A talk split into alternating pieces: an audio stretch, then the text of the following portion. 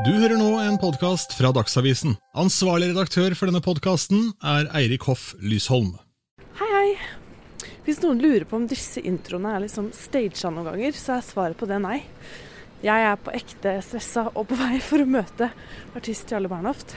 Han skal hente meg i bil og kjøre meg til en eh, sånn utsiktspost som han er glad i. Um, det blir spennende. Jeg håper jeg ikke er forsinka. Vi ses der. Jeg var spent på åssen hadde. Ja, ok. Ja. Hvordan, og, så svarte du til mulig.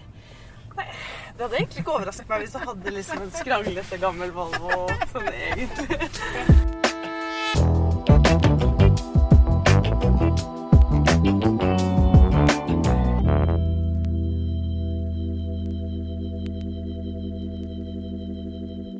Hei, Ole.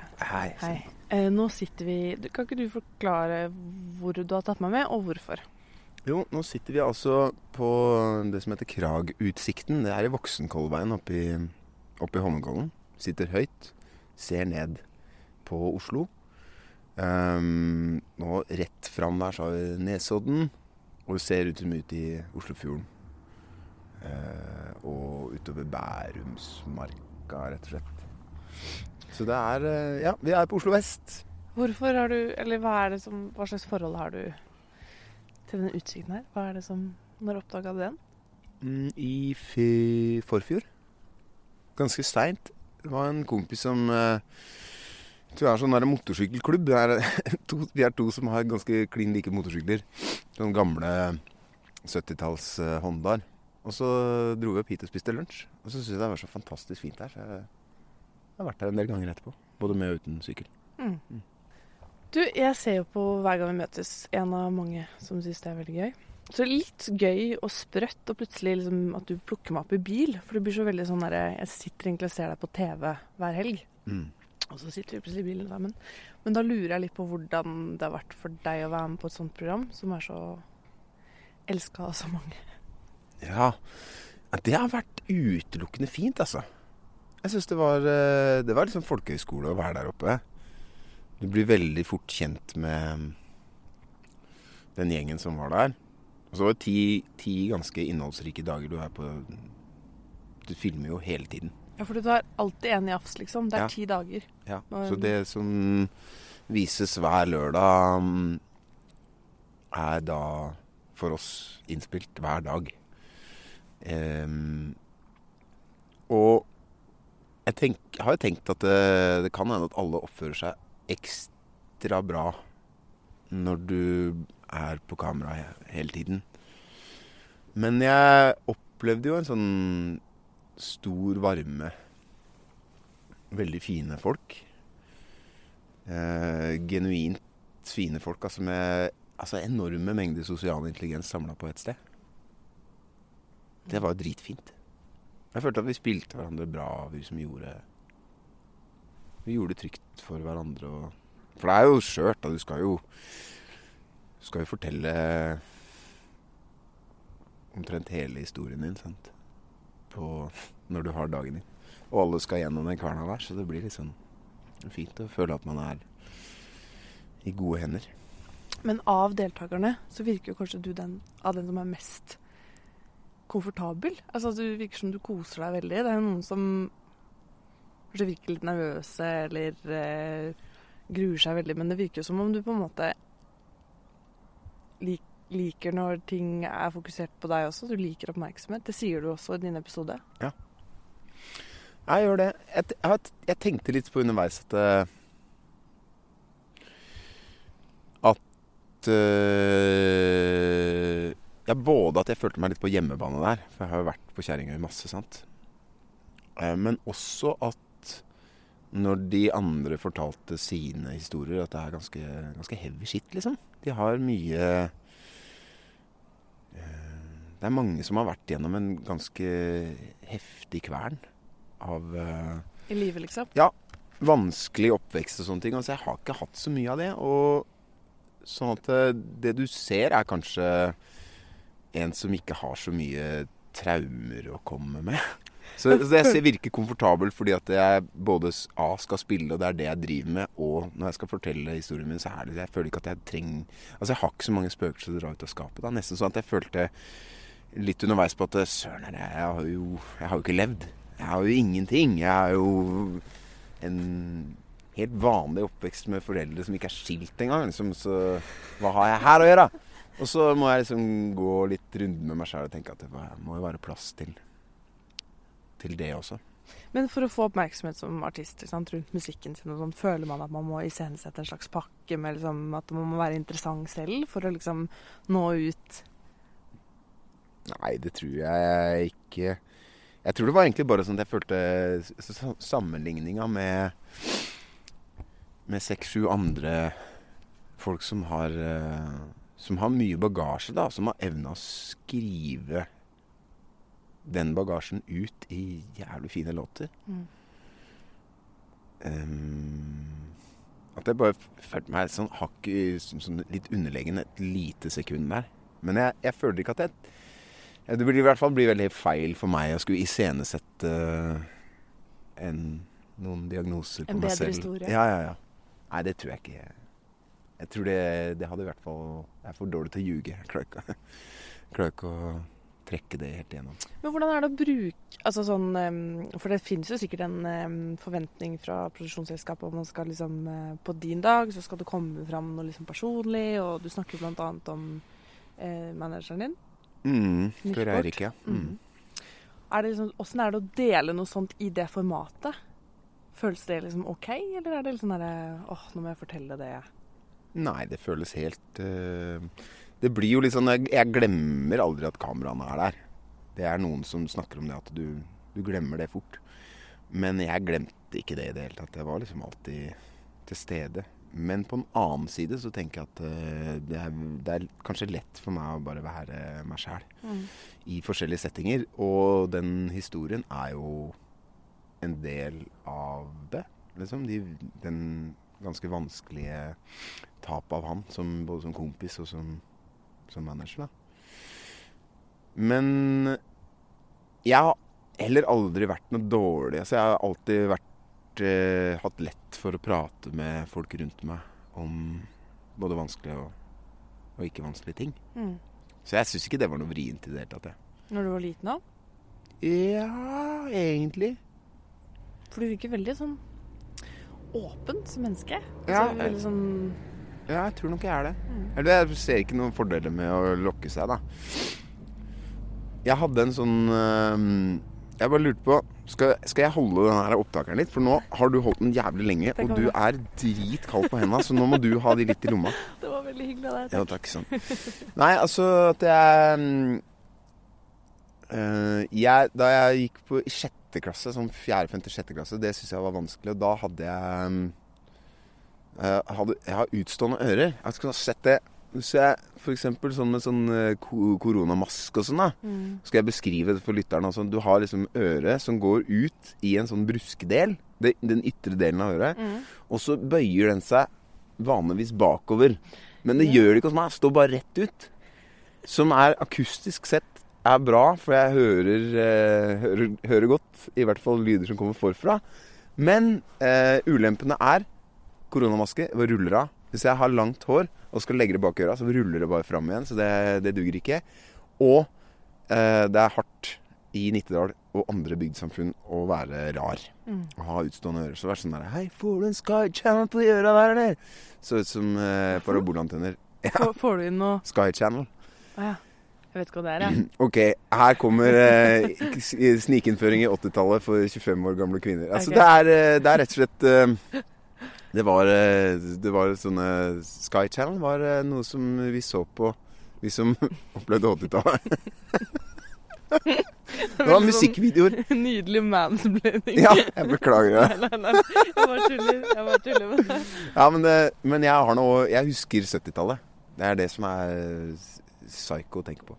Men i hvert fall, det, Sky Channel var en sånn um, sånn greie som enten hadde kabel-TV eller så hadde parabolantenne. Mm. Og det var parabolgreiene som var med øra mine. Ja, Så de mobba deg for at du hadde store ører? Der. Ja, rett og slett. Erta eller mobba ordentlig? Nei, det, jeg følte ikke med mobba. Det tror ikke jeg var. Nei. Jeg ble ikke hunsa, liksom. Jeg kom fra en barneskole mm, som liksom var på landet. Mm. Inn til byen, sånn at da var det Li i Oslo, da, Maridalen. Ja. Så da sa de alltid liksom Er det faren din sin traktor, eller? Hvis det kom en traktor. Så jeg kjenner igjen sånn Mm. de slengbemerkningene der. Ja, sikkert noe av det samme hvis Nittedøler hadde vært i Oslo. Så Ja. var det, så det lukter gjødsel her. Ja, ja, det er sånn, ja. Men, men er det Påvirket det deg på noen måte, tror du? Jo, det var det jeg skulle fram til. At eh, det, jeg, det jeg fant ut at det var like greit eh, Altså, jeg, jeg følte det veldig greit å A. Fleipe med det. At jeg fleipa med egne ører. Og så, hvis det blei noe snakk om det, så kunne jeg like gjerne bare tilstå at jeg, jeg syns jeg var litt vrient. Mm. Jeg, jeg likte ikke nødvendigvis å Altså, jeg vil gjerne kontrollere Hvis, hvis jeg- noen skal gjøre narr av ørene mine, så, så setter jeg pris på at jeg kan gjøre det først. Mm. Og det tror jeg mange rundt meg syntes var veldig streit, egentlig. Ja. For da sa du bare fra om det, eller? Jeg veit ikke om det var det gikk, det gikk nok ikke på femøringen, men kanskje i løpet av noen uker så skjønte jeg liksom noen Jeg hadde noen strategier for å komme meg litt sånn Ja. Å kontrollere narrativet litt, da. Det høres jo nesten sykt ut. Men Nei. det er noe et eller annet med også Hvis du får fortalt Hvis man syns at noe er vanskelig, så får man, kan man fortelle om det på sine egne premisser. Mm. Mm. Det syns jeg er ganske fint å gjøre, egentlig. Ja. Det, bare, det kan jo være vanskelig å fortelle ting på egne premisser hvis du sier det til en journalist som meg, da, eller til eh, TV 2. Det er jo mange som føler det. Jeg hørte en eh, Hei! Hei! Det kom en det en hund. Ja, det gjorde det. Kaffe? Du må ikke ta brownien vår, da, fordi hunder tåler ikke Nei, det er sant. sjokolade. Vi har brownie, skjønner du. Nå skal jeg bare legge lokket på. Veldig ivrig hund. Altså, hunder i skogen. Det fins på en måte ikke noe som er mer glad. Se han løper, da. Fantastisk. Eh, jo, hvor var vi? Jo, at, men eh, i, i møte med mm, Media. Med TV 2 um, Nei, men det, der må jeg faktisk gi litt kudos til den TV 2-gjengen også, fordi de Eller Massif, da, som lager det for TV 2. Eh, ekstremt eh, Jeg tror det gjaldt for oss alle. Vi følte oss veldig, veldig godt ivaretatt Mm. Av den gjengen. Mm. Ja, men det er bra. Jeg bare hørte, jeg hørte en podkast med Arif, som også er med i Hver gang vi møtes. Ja. Men Han snakka litt om det der med at man blir litt lei av å fortelle historien sin. Jeg tar den litt. Ja, så, nå er jeg bare oh, ja, sånn. Okay. Mm. Andre hånda. Um, at man blir litt lei av å fortelle historien. Fordi når man først har gjort det, hvis man har noe trist eh, bagasje eller noe sånt, da, så liksom er det alltid det man skal vinkle på eller snakke om, og så skal det alltid liksom fremheves som noe veldig trist, selv om man til og med har sittet og snakket om det og smilt, ikke sant? Mm. Så det, det er forståelig. Ja, og så er det jo Bare for å ta Arif som, som person òg, da, så Han er jo blant uh, Han er jo et løvetannbarn. Han har virkelig tatt noen utfordringer Mm. og omforma det til en sånn helt egen Jeg prøvde å oversette Grace.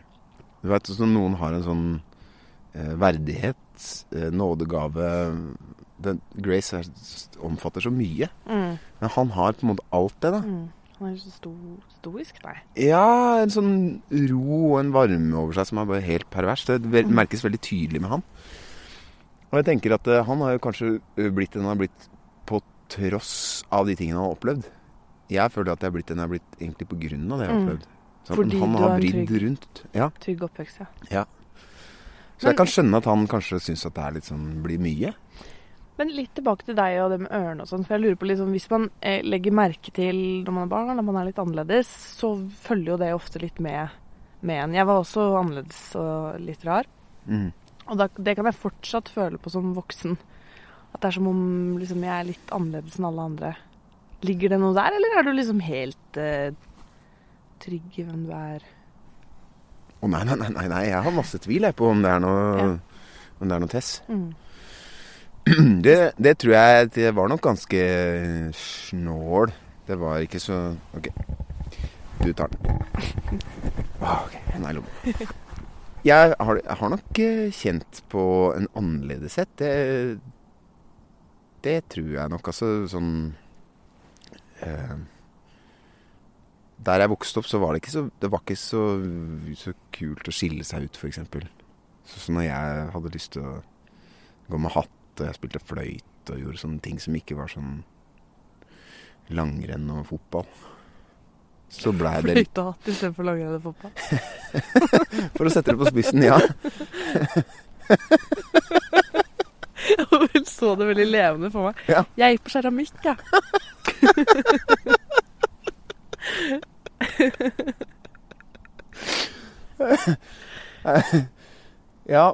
eh, nei, jeg, jeg spilte jo fotball jeg òg, men jeg var så dårlig på det. Uh, Når kom musikken, da? nei, den var der hele tiden. Men jeg, jeg, jeg sang i kor, eksempel. Det var heller ikke så mange gutter som gjorde det. Det, det var generelt sånn derre um, um, At det var kanskje litt på siden av gutteklubben Mm. da jeg var vokst opp. Men det var ikke sånn at jeg følte meg helt sånn på sida heller. Det var bare litt sånn Jeg var ikke, ikke mobbeoffer. Jeg var bare litt sånn på litt Var ikke blant de kule. Mm. Men det tror jeg er veldig sunt sånn i etter eh, Se det sånn i etterkant. De som er veldig kule når de er 14-15, de kanskje blir der. Mm. Men ville du være kul? Altså Var du sånn som egentlig skulle ønske at du kanskje var den kuleste? Det kan hende at jeg egentlig syns at jeg var den kuleste. Med den hatten. Ja, altså litt sånn uh, blanding av veldig usikker og utrolig cocky, da. Ja. Sånn uh, Nei, jeg tør ikke, tør ikke. Tør ikke. Og uh, andre dager så var det sånn Altså, hvis ikke folk ser at den hatten her er den kuleste Gjør meg til den kuleste kiden i gata, they're lost, liksom. Men må man ikke ha noe av det hvis man skal være artist eller kunstner av en eller annen form? At man må ha sånn innerst inne egentlig ganske sterk tro på at man har noe å komme med? Jo. Som kanskje, som kanskje dras liksom fram og tilbake med tvilen, da. Å ja, ja. Ja, jeg tror det er helt riktig. Er du Altså- sånn som voksen òg? Ja. Mm. Kan du prøve å forklare hvordan det Hei, hei. Nei, for eksempel så kan det være sånn eh, La oss eh, gå gjennom en, eh, en, en, en tenkt, fiktiv, men ganske virkelighetsnær uke. Mandag. Mm. Jeg går ut i bua mi der jeg har studio, og lager noen greier som jeg syns låter helt amazeballs. Mm. Jeg syns det låter så bra at hvis ikke, hvis ikke dette blir en, en, en farsott, global farsott, så skjønner jeg ingenting. Går og legger meg, sover godt, har eh, våknet opp dagen etter med stort ego. Går ut i bua, hører på det jeg gjorde dagen før. Er bare Å, fy faen, er det mulig? Det her låter så dårlig. Og så, så går tirsdagen i grus, og jeg må øh, finne alle mulige slags øh, teknikker og taktikker for å ikke gå helt i bånn sånn selvtillitsmessig. Eh, og så, så balanserer det seg litt utover. Og dette her er jo fiktivt, men sånn kan det gå. Så du veksler. Ja, veldig. Men hvordan lander man på et album da? Hvis man hele tiden Nei, tiden er jo en god øh, partner, da. At man bare hvis, hvis det går mange, mange dager med 'dette låter dritt', så er det kanskje sånn. Og hvis det går mange Hvis det, hvis det, er, hvis det er flertall dager hvor du syns det låter ganske stilig, så er, det, er man kanskje inne på noe. Nå skal ikke jeg psykoanalysere deg for mye, men når vi kjørte opp hit nå i stad, okay. så sa jeg at jeg har en av låtene dine på sånn repeat-liste, fordi jeg spiller den så mye. Ja. Og du har veldig sånn pra pratsalig hele bilturen, men akkurat når jeg sa det, så var du sånn, ja. Og så spurte du liksom ikke hvilken låt, eller det var som om du ble liksom litt flau. Hva var det? Er du litt sjenert i forhold til egen musikk? Jo, men ja, ja. Jeg er det. Jeg er jo sjenert. Men, eh, men jeg tror jeg spurte om den blei bedre eller dårligere eh, jo mer du hørte på den. Ja.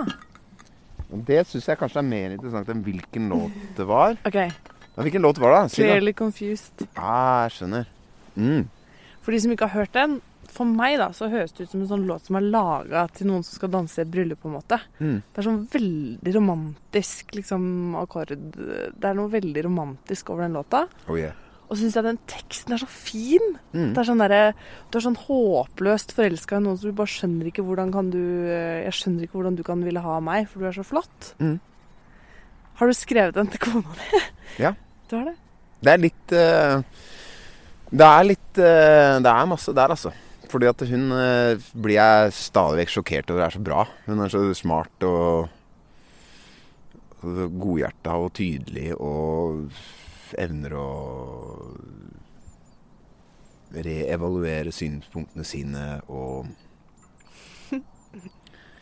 er rett og slett eh, litt sånn klyp seg i armen bra dame. Så jeg, jeg tenker liksom når jeg, på, når jeg er på den tirsdagen da, hvor alt er dritt og sånne ting, og hun fortsatt syns at jeg er en fin fyr, så er det litt sånn Faen, er, er, du, er du drita, liksom? Er du høy? Hvorfor er du her fortsatt? Men dere er gift. Mm. Nå kan du fortelle litt om Jeg elsker å høre om bryllupene til folk, skjønner du. Ja. Dette er Ok, vi ble sammen eh, for veldig Eller altså et halvannet år før vi gifta oss, da. Og så Så kort tid? Ja. Og det, det var litt sånn at uh, vi hadde kjent hverandre en stund før det ble litt sånn uh, Sånn kjærestebusiness. Venner, liksom? Eller? Ja, vi møttes, møttes på, på Blindern. Hadde sånn kollokviegruppe. Hvor gamle var dere da? Nei, jeg var 30 og noe. Hun var 25. Drev du med musikk da? Ja, ja, ja. Jeg hadde nettopp slutta i dette rockebandet som het Span. Ja. Um, og holdt på å spille med i bandet til gamlekjæresten min. Som som blei slutt ganske Det ble ganske kort tid mellom at det ble slutt med hunden og at jeg ble sammen med Lisa. Ja. Eh, litt vanskelig overgang, må sies. Men så um, Liten overlapp. ja, Nei, det var ikke overlapp per se, men uh, det opplevdes for uh, gamlekjæresten min som at det var uh, det. A little too soon. Ja. Ja. Og så Men jeg merka med Lise at jeg hadde, hadde lyst til å henge med henne hele tida. For da diskuterte vi jo filosofi og sånn, da. Sånn faglig.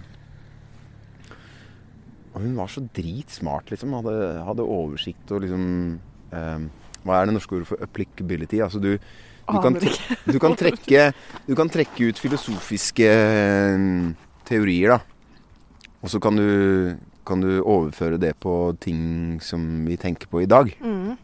Altså relasjonelle ting, eller Det var så dritkult. Det åpne åpna opp en sånn verden for meg som jeg syns var fantastisk fin. Og så blei vi kjærester. Men vent litt nå. Pause. Ja. Før dere ble kjærester, hadde dere et sånt øyeblikk hvor dere snakket om filosofi, og så plutselig klina dere, liksom? Eller hva, hva var å Jeg er interessert i øyeblikket du skjønte at uh, det var noe romantisk der. Det øyeblikket skjedde Vet ikke, Har du vært på Blindern? Og på Sofus Bugges hus. Så i, i, i kjelleren der så, så er det en kafé som heter Uglebo. Ja. Hvor de har ekstremt sterk kaffe og vafler eh, på, på fredagen. Så, så hang vi der, og så, og så måtte jeg tilstå at eh, nå tror jeg jeg skal gå, for jeg, nå er jeg skikkelig, skikkelig forelska i deg, og da tror jeg jeg skal gå. Så ble hun helt sånn Det er ikke lov å si. Oi. Eh, jo, eh, men sånn er det jo. også. så var det litt sånn gjensidig, da. Og så Ja, og så blei ble vi kjærester mens jeg holdt på å skrive den første skiva mi, og det var sånn Jeg skrev, spilte alltid ting for henne først. Um, og det var dritinspirerende, for hun er så tekstopptatt. Og så var vi på en eh, Jeg spilte litt bass i Shining. Mm. Så skulle vi til USA i april 2009, tror jeg det var. Og så skulle vi mm, Nei! April 2008. Så var vi på turné i USA. Så, skulle, så dro vi til New Orleans etterpå, Lisa og jeg. Og så Og så mens vi var ganske kliss nakne i senga, så fridde hun. Og så Så s- det var ikke noe Det var ikke noe jeg tenkte Det var ikke aktuelt å svare nei på det, men det var liksom Jeg så liksom for meg hva hvis jeg hadde sagt nei nå? Du er midt i New Orleans, kliss naken, liksom. Jeg har ikke sjans. Hvordan skal du komme deg unna det her? Og så ble det et ganske eh, lugnt bryllup eh, halvannet år seinere fordi hun var gravid da, med Samuel. Og hadde Sønnen lyst til å drikke Ja, første sønnen var. Hun hadde lyst til å drikke og danse og sånn. Så da um, hadde vi um, sånn rolig, rolig bryllup. Hadde du på deg hatt? Nei. Nei, jeg hadde ikke på meg Hva hadde du på deg? Eh, Jeg hadde vel en dress, tror jeg. Ja, En grønn dress. Det er så rart, fordi mamma og pappa gifta seg i New Orleans. Gjorde du det? Mm. Ah, it's the city of love. Ja. ja. Hun var høygravid i svart kjole og hadde farga håret rett før vielsen, så de kom for seint. Ah, fett. det er ganske fett. Ja, men det er jo en fantastisk, eh, fantastisk by, altså. Men skriver du mye om eh, Hva skriver du om når du skriver musikk? Hva er det du liksom henter inspirasjonen din fra? Ja, jeg, jeg, tror jeg har vært mer interessert i konsepter enn i sånne én-til-én-forhold. Mm. Altså sånn type um, første skiva mi var jo en sånn Oslo-plate. Hvor jeg Jeg syns det var eh, interessant, for jeg hadde nettopp bodd i London. ikke sant? Jeg var, hadde masse hjemlengsel, og så lurte jeg på hvorfor det var sånn. Hva det var med Oslo som jeg syns var så tiltrekkende, hva jeg syntes var frastøtende. Det var masse ting, men jeg hadde en ekstremt sterk binding til byen. Og det var, dette var før Barcode, ikke sant? så du hadde to høyhus, og jeg følte at det så snålt med Oslo, for den er en sånn liten landsby som prøver å yppe seg. Med to sånne høyhus, ikke sant? med Postgirobygget og Oslo Plaza. og så syns jeg det var jo den delen av byen som jeg var mest i på, på Grønland. Det var sånn sydende sånn eh, et folkeliv, og det følte at det å gå i Brugata var nesten som å være en fremmedby. sant? Og jeg syntes det var så fett. Masse Kunne oppleve eh, masse språk som jeg ikke skjønte noe av, egentlig. Det blei som en sånn fin liten dans. Så jeg hadde lyst til å skrive om det på en måte, på en måte som ikke nødvendigvis hadde blitt gjort av Lillebjørn Nilsen før, da.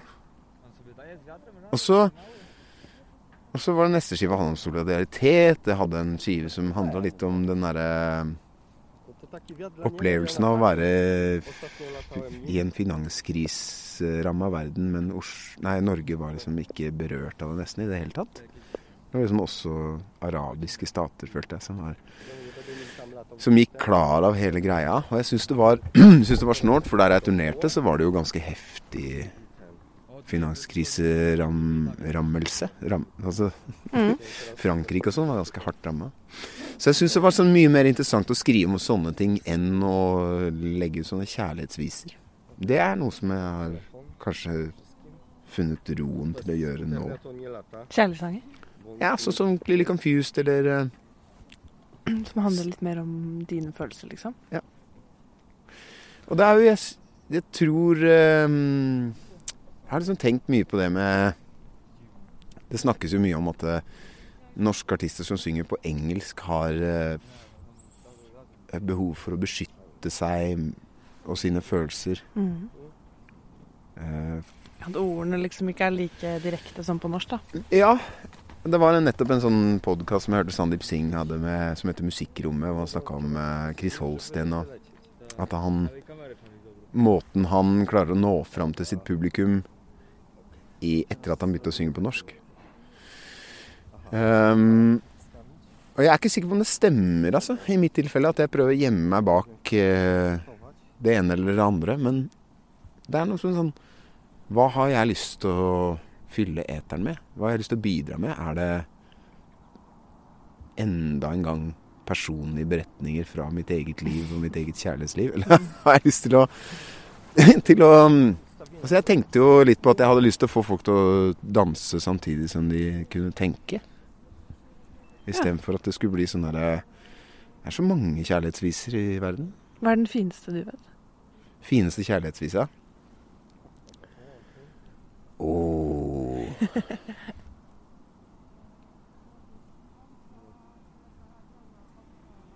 Nei, det er, altså jeg syns jo Jolene Av Dolly Parton?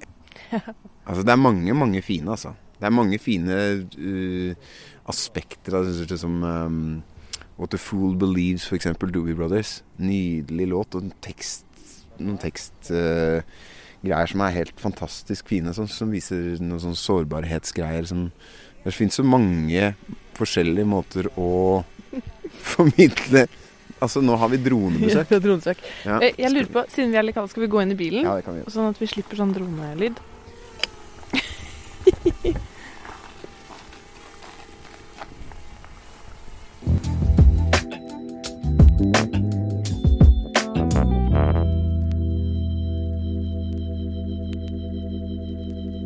blir litt flau. Si det igjen, for nå er vi tilbake. Nå har vi satt oss i bilen, og så snakker vi om at du blir litt flau. Ja, det kan hende at du har rett i det at jeg blir litt grann, eh, sånn forlegen. Um, hvis det refereres til mine, e mine låter Oi, sorry. Du veit, um, jeg har det sånn hvis Går det an å ta vifta? Ja, jeg skal sånn. Kan vi få varme i setet, ned med vifta Sånn. Jo. Jeg tror at eh, jeg vil aldri finne på å spille en egen låt på en fest eller noe sånt. Er det noen som gjør det? Nei, det, det er kanskje ikke det, altså. Men jeg, jeg, jeg kan kjenne på en sånn mm, utilpasset hvis jeg skal spille mine låter for noen som jeg ikke kjenner kjempegodt. Um, Hvorfor det? jeg veit ikke, altså. Jeg tror kanskje det er noe med sånn Litt sånn inn inngrodd følelse av at jeg, man skal ikke stikke seg fram. Jeg tror jeg, jeg, jeg merka det da jeg bodde, bodde to år i New York. Og jeg merka hvor norsk jeg var. Og så, så nesten sånn um, Hvor nesten stereotypisk norsk jeg er i forhold til sånn Det sånn jantelov-greier. Skal ikke tro du er noe jeg, jeg, jeg var helt supernorsk. Matpakkenorsk. Ja, for jeg har tenkt at du kanskje er litt mer amerikansk enn nordmenn flest. Ja, men i mange henseender så er så, Sånn lydbildemessig så er jeg jo mye mer orientert mot uh, Mot et sånt spesifikt amerikansk uttrykk enn veldig mange. Men også personlighetsmessig. Altså, du ser folk i øya, og du sier liksom eh, Du begynner å snakke med meg når jeg setter meg inn i bilen her, og praten går, og liksom Ja. Det er veldig mange som har veldig mye mer sånne sperrer for liksom hvem de åpner seg opp til, på en eller annen måte. Mm. Ja, det kan hende du har rett i det. Altså, det er noen, noen aspekter så er det veldig sånn eh, Altså en litt sånn liketilhet, da.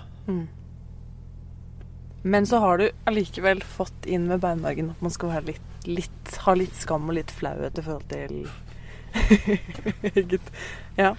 Ja. Ja, kanskje. Hvis du møter sånne superfans, da. Som kommer og sier 'Jalla, I lov å ta bilde med deg og sånt. Har du opplevd det? Ja. Mm. Mm. Hvordan forholder du deg til det? Nei, jeg, jeg, jeg syns ikke det er så Jeg syns det er ganske hyggelig, altså. Jeg får jo hakket mer Altså, jeg syns det er en viss forskjell på hvis det er noen som er bare sånn Så kan jeg synes at det er Det er en del av greia, men det er jo ikke noe jeg nødvendigvis syns er uh, givende, hvis du skjønner. Hvis det er noen som holder på med noe Hvis, hvis, hvis de Hvis de sier til meg at eh, dette har vært det du driver med, har vært kjempeviktig for det jeg holder på med. Det syns jeg er kult.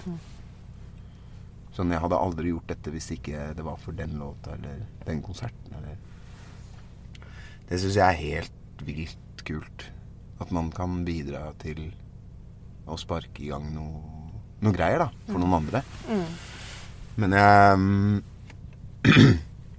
Det kommer litt, altså kommer litt an på hvilken setting jeg er i. Jeg husker helt i starten når jeg hadde liksom det der håret Det der det Ja. brødhåret på toppen og kort ved øra og sånn. Så ble jeg som veldig sånn kjendis. Og det eh, På grunn av håret? Nei, ikke på grunn av håret, men eh, det var da jeg hadde det. Det var veldig sånn lett sånn, å kjenne igjen, sant. Um, og det, det jeg syns var litt sånn stress med det, var bare når jeg var sammen med Samuel da han var veldig liten og skulle gå på lekeplassen sammen med han, da. Så var det sånn at jeg gruer meg til det kom noen og skulle ta bilde. Og så skjedde jo det selvfølgelig, det var veldig greit, følte jeg, etter når jeg sa til akkurat nå er pappaen hans og ikke, ikke artist. Og de syntes det var helt streit. Da blei det så mye lettere å forholde seg til etterpå. At det, det gikk an å være Det blir liksom dobbeltliv, da, men eh, jeg følte at det gikk an å si ifra at akkurat nå så er jeg ikke i den sonen i det hele tatt. Ja, dobbeltliv fra at du hadde liksom to veldig sånn tydelige roller. Hvem du var hjemme og hvem du var når folk så på deg som kjendis, og når du var liksom, Ja. den kjendisrollen. Ja. Likte du han fyren da? Jeg tror jeg, jeg tror ikke jeg hadde noe Jeg likte nok begge, begge folka. Men jeg syns det var Det er noe etter at med, med å anerkjenne at hvis du er i en park, da en off, På et offentlig sted og er først og fremst en far som skal leke med sønnen sin Så hvis du åpner for at noen kan ta bilde, så, så har du åpna krana. Og den lar seg ikke lokke igjen. Så du kan ikke si ja til noen, og så når det blir for mye, så, kan, så, du, så sier du nei. For det sprer seg sånn som Når noen steller seg opp for å ta en selfie med, med folk, så, så ser folk rundt, og så vil de, de også. Så det er litt smittsomt, det greia der. Blir, blir man altså Når du snakka om det håret som du hadde, Mm. er det sånn at man blir litt lei av sin egen eh, sitt eget image? Ja, det tror jeg nok. Jeg Jeg husker at jeg var eh, Jeg husker det, Jeg var jo i Los Angeles. Jeg var, det var sånn Grammy-nominert for Islander-plata, og da hadde jeg Da hadde jeg hatt hår gro litt. Grann. Og så kom jeg dit, og så Og så ble jeg sånn Shit, jeg er jo ingen, jeg er ingen. Jeg må gjøre noe med så fikk jeg håret tilbake igjen. Bare skrella håret på sida. Jeg er ingen. Ja, jeg følte meg som at eh, Faen, jeg er midt i Los Angeles, og det er faen for et opplegg dette her. Jeg må stikke meg ut mer. Jeg må ha, jeg må ha, jeg må ha imaget mitt tilbake igjen. Ja. Brillene, hva er greia med brillene? Er det en image-ting? Eller, eller gikk du alltid med de før du Nei, alltid Eller ikke alltid, men jeg har hatt briller i 25 år eller noe sånt. Men ikke bare briller, men du har jo ganske store briller. Ja. Det er Altså, både den sveisen og brillene er jo egentlig praktiske grunner til at jeg har, da. Brillene er Så når jeg spilte mm, mye sånn derre loopbox Altså når jeg hadde mye pedaler som jeg måtte forholde meg til, så jeg, var jeg avhengig av å kunne se folk i øya. Altså opp i Å ha de folk, folk som var i publikum innafor brilleinnfatninga. Men jeg trengte å se pedalene også, så jeg trenger ganske store briller. For, at jeg, for jeg har mye i synsfeltet. Og så syns jeg at det inn, store, tjukke innfantingen, det er stilig. Det er bare Det er en smaksting. Så det er en estetisk vurdering. Men at de er svære, er mer sånn praktisk greie. Ja. Første brillene jeg hadde, var veldig smale. Helt ekstremt smale, men veldig Oho. kraftig innfatning. Ok, ja. Mm. Jeg syns det er veldig morsom detalj når vi tok bilder av deg i stad med fotograf. Ja. At du tok ut glassene på brillene så det ikke skulle bli gjenkinn. Og så husker jeg at uh, veldig mange har spurt uh, rundt omkring på internett Har Jarle um, Har han glass i brillene sine? Mm. Men det er derfor, da. Så du tar de bare ut når du blir filma. Jeg, jeg tok de ut fordi det er sånn, det er sånn fotosensitive glass, så de Mm. blir mørke når det Mm. er sol. Så det var litt sånn eh, Fotografen eh, lurte på hvordan hun skulle komme seg unna det. Mm. For det blir på en måte solbriller, og det, det er jo ikke alltid at det er så fotovennlig. Også på hver gang vi møtes, så var det jo Det er mye lamper, sant. De blir mørke. Så det, jeg hadde valget mellom solbriller eller ta. Mm. Så det er, det er en praktisk vurdering. Dette er første gang jeg prater om det. For jeg har også registrert at det er mye mas som har han linser i Han har ikke glass i brillene, da. Og jeg har egentlig syntes at det var ganske gøy, egentlig. Folk må gjerne få mene noe om det. Ja, sånn, ja. Men det er, det er noen praktiske årsaker til, eh, til det, da. Da har vi svart på en eh, jo svart på det. skikkelig myte.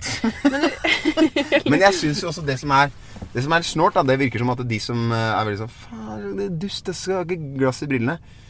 Eh, krever at briller skal først og fremst være funksjonelle. Og det jeg håper for de som syns at det er skikkelig teit, at jeg ikke har glass i brillene, at de ikke har en eneste tatovering på kroppen. Fordi at eh, det fins jo ikke noen funksjonalitet i en tatovering. Det er rent estetisk. Har du tatovering? Nå må jeg bare skyte inn en liten ting. Ja. Og det er at eh, jeg skal hente i barnehagen seinest klokka halv fem. Ja. Så jeg lurer på om vi må kjøre mens vi kjøre? Men det vi mens vi eh, tar siste delen av eh, Siste delen av praten. Å, oh, der må vi vente lite grann. Sånn. OK. Um, skal jeg ta på beltet, kanskje? Det må vi gjøre.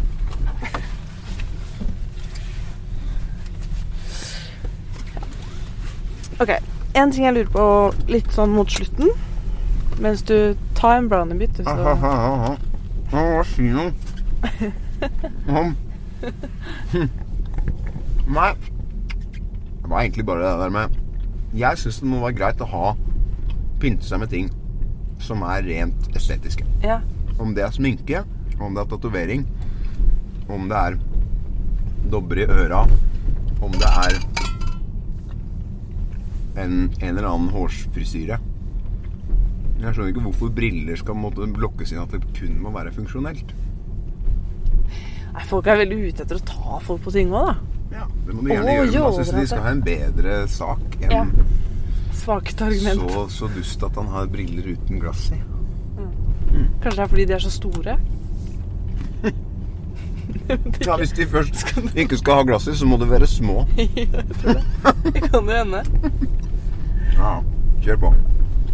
Um, jeg lurer også litt på sånn avslutningsvis det er noe du liksom er ekstra stolt av. Det kan, kan være musikk, men det må ikke være musikk. Men hva er det hvis du skulle kjenne etter liksom Hva er det du liksom er aller mest stolt av å ha fått til i livet?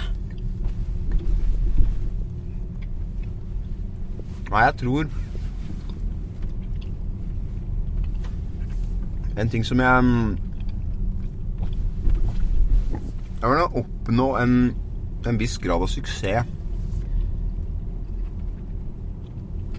Og flere enn én ganger også, for det er, det er litt sånn um, Ble det litt virak rundt det der rockebandet jeg spilte i, og så bytte på en måte Det som kan virke som i hvert fall bytte helt stil Mm, og sjanger. Og så gjøre det enda bedre, liksom. mm. Ja, for det gjorde du jo. Og det uten å mm, egentlig følge noen som helst slags type trender eller hva. For det er jeg veldig dårlig på å analysere som trender, hva som kommer til å bli jævlig Jævlig stort og sånne ting, og dermed hive seg litt på en, en sånn bølge, da. Jeg som alltid gitt fullstendig beng i det. Um, så det er jeg veldig stolt av å få til. Jeg, jeg syns at det der å Å drive med det jeg driver med eh, Å komme til USA der den musikken egentlig er født, da, og har sine, sine aller beste forutsetninger for å, for å gro, og så går det dritbra. Det jeg syns også har vært eh, Det er noe av det største jeg har opplevd, tror jeg. Mm. Hvis du spiller, du spiller i Chicago, så er folk, går folk apeshit. Det er ganske kult, altså. Og de går Amerikanere går apeshit på en helt annen måte enn nordmenn Hvis nordmenn noensinne går apeshit. Altså, for, for amerikanere er så direkte. De brøler det til deg, liksom. Hvis, du, hvis du gjør én kul dings midt i en låt, så er de liksom helt sånn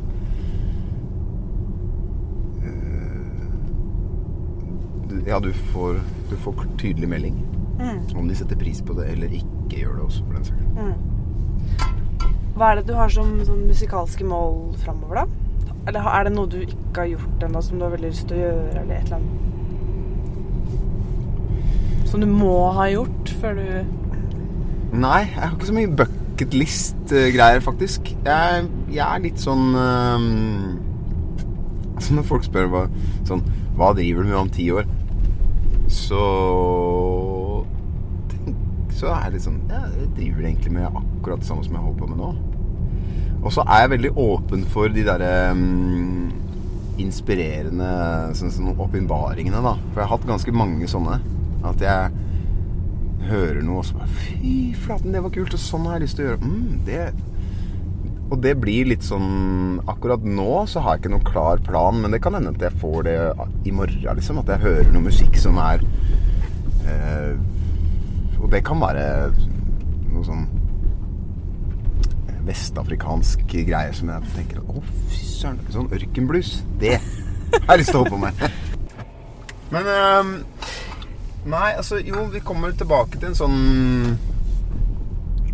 En sånn greie som jeg kanskje Som jeg også kanskje er stolt av, er at det, det der å, å lage soulmusikk i Norge var jo ikke akkurat noe, noe sånn eh, career move. Fordi at alle Jeg følte at de som hadde prøvd det Og det var kanskje et par stykker som hadde, som hadde prøvd seg på en eh, Sofian f.eks., eller Nora Nord. Hadde prøvd å gjøre en sånn type greie sånn på, på 2000-tallet.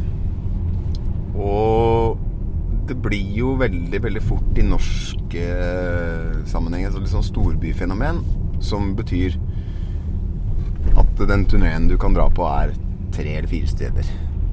Ja. Altså, det, det var sånn etablert en slags forestilling om at eh, det, det kommer ikke til å funke i Norges land med, med soulmusikken, liksom. Og så dro jeg på Jeg spilte mye aleine og dro liksom Jeg, jeg fikk jo Fikk jo faktisk det til å funke i Sunndalsøra og i Åndalsnes og i Finnmark og sånne ting.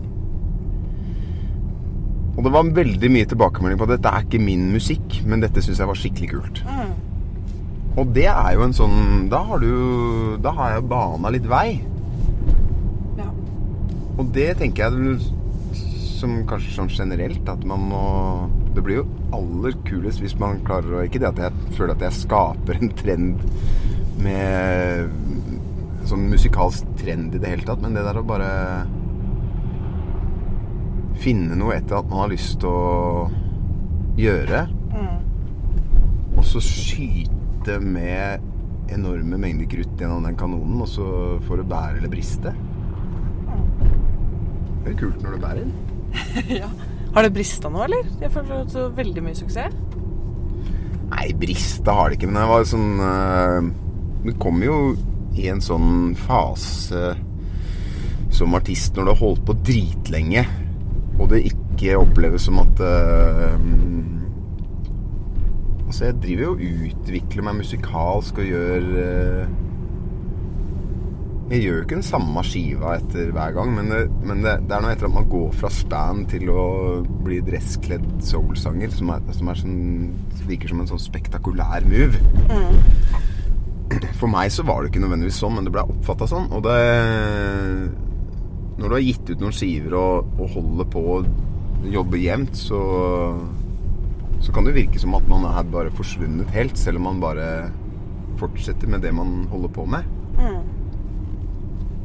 Bytter ikke image eller Er det derfor du har krøller nå?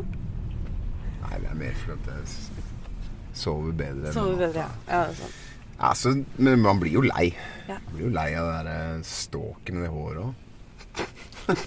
men det er, det er ambisjonen. Altså få ferdig et, et album med det i løpet av, av året. Det er litt sånn bråkete Bråkete Kjør. Vær så god.